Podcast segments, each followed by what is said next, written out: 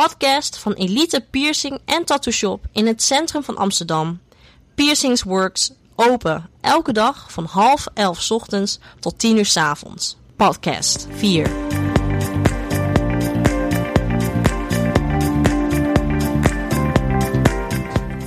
...25 dingen die je moet weten over piercings in het oor. 1. Het oor bestaat onder andere uit twee soorten bindweefsel. Kraakbeen en vet. 2. De oorlel bestaat uit vetweefsel en niet uit kraakbeen. In dit gedeelte van het oor kan over het algemeen gewoon met een oorbelpistool een gaatje worden geschoten. 3. Bij het schieten van een gaatje in de oorlel moet worden opgelet dat zowel het sieraad als het piercingpistool steriel zijn. Het ingeschoten oorsieraad dient 4 tot 6 weken gedragen te worden zonder deze eruit te halen of te verwisselen. Let erop dat de oorbel nooit te strak in het oor zit. Er moet altijd een klein beetje ruimte tussen je oor en het sieraad zitten, zodat je deze gemakkelijk kunt bewegen en eruit kunt halen. Ook moet je erop letten dat de handen gewassen zijn bij het schoonmaken van de oorbel. Het schoonmaken van de oorlel kun je het beste doen met een zeezoutoplossing om de gepierste huid sneller te laten genezen.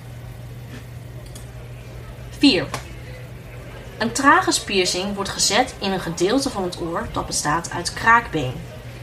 Deze piercing zit amper in de weg tijdens het slapen en geneest vaak sneller dan elke andere piercing die in kraakbeen wordt gezet.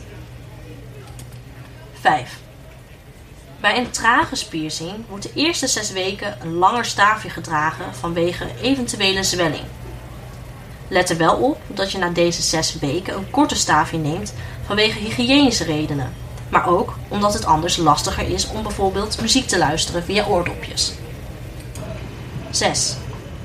Het is sterk aan te raden om je muziekoordopjes regelmatig schoon te maken met alcohol tijdens het genezingsproces van een traguspiercing. 7. Sommige mensen laten twee traguspiercings zetten. Dit ziet er erg leuk uit, maar het is altijd verstandig om bij je piercer na te vragen of dit bij jou ook mogelijk is. 8. Een erg populaire piercing is de anti-helix. Hiervan kun je er 1, 2 of zelfs 3 laten zetten. Het is een leuke piercing waarvan het genezingsproces meestal redelijk verloopt, omdat de piercing niet in de weg zit. Let er wel op dat je tijdens de genezing een iets langer staafje draagt. Als je de piercing bij een professionele studio laat zetten, zullen zij je ongetwijfeld voorzien van een staafje met de juiste maat. Elk oor verschilt tenslotte. En alhoewel deze piercing erg aantrekkelijk is, opnieuw. En alhoewel deze piercing erg aantrekkelijk is, is het belangrijk om te weten dat het niet bij iedereen mogelijk is om er drie te laten zetten. In dit geval zul je er met één of twee genoegen moeten nemen, want niet iedereen heeft ruimte in zijn oor voor een derde. 9. Als je wilt weten wat de mogelijkheden zijn voor een triple piercing, ga je naar www.piercingworks.com en daar vind je meer informatie. 10. De helix piercing is ook erg gewild. Vroeger werd deze met een oorbelpistool gezet, maar dat kan absoluut niet meer. Dit zorgde voor veel complicaties. Waarom, vraag je je af? De antwoorden hoor je straks bij 11, 12 en 13. 11. Wanneer er een piercing gezet wordt in het kraakbeen met een oorbelpistool, wordt er in feite een stompe naald door het kraakbeen geforceerd. Het weefsel scheurt, waardoor er een gaatje ontstaat.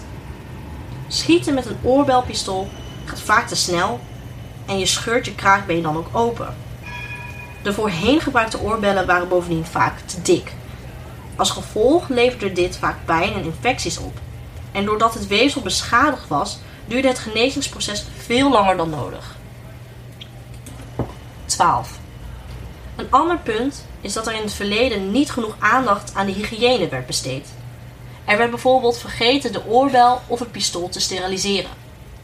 Dit kan uiteraard niet meer. Als je nu een piercing laat zetten, is de naald dunner dan die van een pistool en gaat deze veel langzamer in het oor. Hierdoor doet de piercing minder pijn en is het genezingsproces veel korter. 13. Voor helix piercings bestaan veel verschillende soorten sieraden. Het enige nadeel is dat je zult moeten wachten met het verwisselen totdat hij volledig is genezen. Als je het sieraad voor de eerste keer gaat verwisselen, laat het dan bij een professionele studio doen. Het is namelijk moeilijk om te zien of de piercing echt genezen is en daarom is het beter om er de eerste keer een ervaren piercer naar te laten kijken. 14. Neem bij de eerste keer verwisselen nooit meteen een te zwaar sieraad, maar kies bij voorkeur voor een lichter balletje. Dit geldt overigens ook voor elke soort piercing. Het is aanbevolen om na de genezing nog een tijd een sieraad van hetzelfde aan te raden. Een mooie helix piercing met meerdere steentjes of een hangertje kun je het beste pas na 8 à 9 maanden dragen. 15.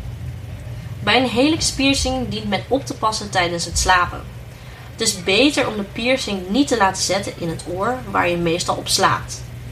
In de eerste week is het sowieso beter om tijdens het slapen de piercing af te plakken met een pleister en voorzichtig te zijn met het aan- en uitkleden. Mocht je toch ergens aan blijven hangen, maak dan je piercing een paar keer per dag schoon met een oplossing van zeezout. 16. De industrial piercing is ook erg gewild. Het nadeel van deze piercing is echter dat hij moeilijk geneest. Het is aan te raden om deze te laten zetten met een bioplaststaafje. Bioplast is flexibel en beweegt met de huid mee, waardoor het veel sneller geneest dan bijvoorbeeld een metaalstaafje. Bovendien zijn bioplaststaafjes ook verkrijgbaar in de kleur zilver, welke eruit ziet als een echt metaalstaafje. Wel is het nog steeds belangrijk dat je goed oplet dat het niet blijft haken tijdens het aan- en uitdoen van je kleding. En dat je minstens 6 maanden wacht voordat je een piercing verwisselt. 17. Een outer conch is een piercing die niet erg makkelijk geneest. Alhoewel hij niet zo ver buiten het oor zit als bijvoorbeeld een industriële piercing, waardoor hij iets minder in de weg zit. Bij veel mensen is dit het gedeelte van het oor erg hard, wat ervoor kan zorgen dat het zetten van deze piercing iets pijnlijker kan zijn.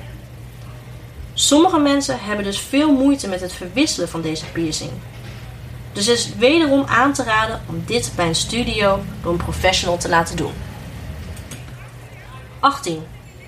Bij de Dave piercing geldt hetzelfde. Dit gedeelte van het oor kan bij sommige mensen erg hard zijn en iets pijnlijker zijn om te piercen dan andere delen. Deze piercing zit echter wel binnen in het oor, waardoor je minder snel ergens aan blijft haken en minder last zult ervaren tijdens het slapen. Het is zo goed als onmogelijk deze piercing zelf te verwisselen. Maar mocht je dit toch proberen, let dan op dat het balletje niet in je oor verdwijnt. 19. De rookpiercing zit bijna op dezelfde plek als de Dave, maar dan net een stukje hoger. Voor deze piercing geldt hetzelfde advies als bij de Dave. 20. Een orbital piercing is een ring die verticaal door je oor gaat. Het ziet er super mooi en apart uit. Ons advies is om eerst twee aparte staafjes te dragen. Wanneer beide piercings genezen zijn, kun je deze vervangen door een ringetje. Op deze manier geneest het sneller en ervaar je minder pijn tijdens het piercen zelf. 21. De snakpiercing wordt gezet in het verharde deel aan de buitenkant van het oor. Deze is daardoor snel en makkelijk te plaatsen voor de piercer, maar kan best een beetje pijnlijk zijn. Wees voorzichtig bij het slapen. Het is absoluut aan te raden om de piercing de eerste paar nachten af te plakken met een pleister.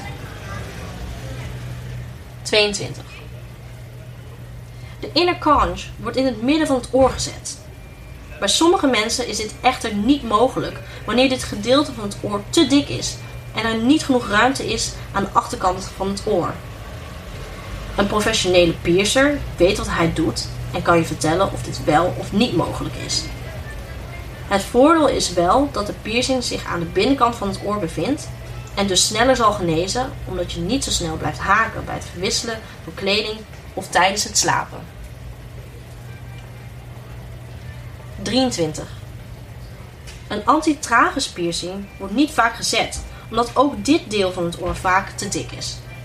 Toch is het een erg mooie piercing. Ga indien mogelijk het liefst naar een studio om deze piercing te laten verwisselen. Er is een kans dat als je het zelf doet, het bolletje in je oor verdwijnt. 24. Sinds kort bestaat er een nieuwe manier van piercen in het bovenste buitenrandje van het oor. Deze piercing wordt niet in het kraakbeen gezet, maar in de huid. Dit genezingsproces is aanzienlijk korter en hier kun je je met gemak 4 of 6 van laten zetten. Er is wel een kleine kans dat de piercing uitgroeit, maar als je dit bij een goede studio laat doen, is die kans vrijwel nihil. 25. De gemiddelde herstelperiode voor een piercing in het oor bedraagt 4 tot 9 maanden. En in elk van deze gevallen geldt: geduld is een schone zaak. Bedankt voor het luisteren naar de podcast. Voor meer informatie kun je naar de website www.piercingsworks.com waar je overigens de blog kan vinden.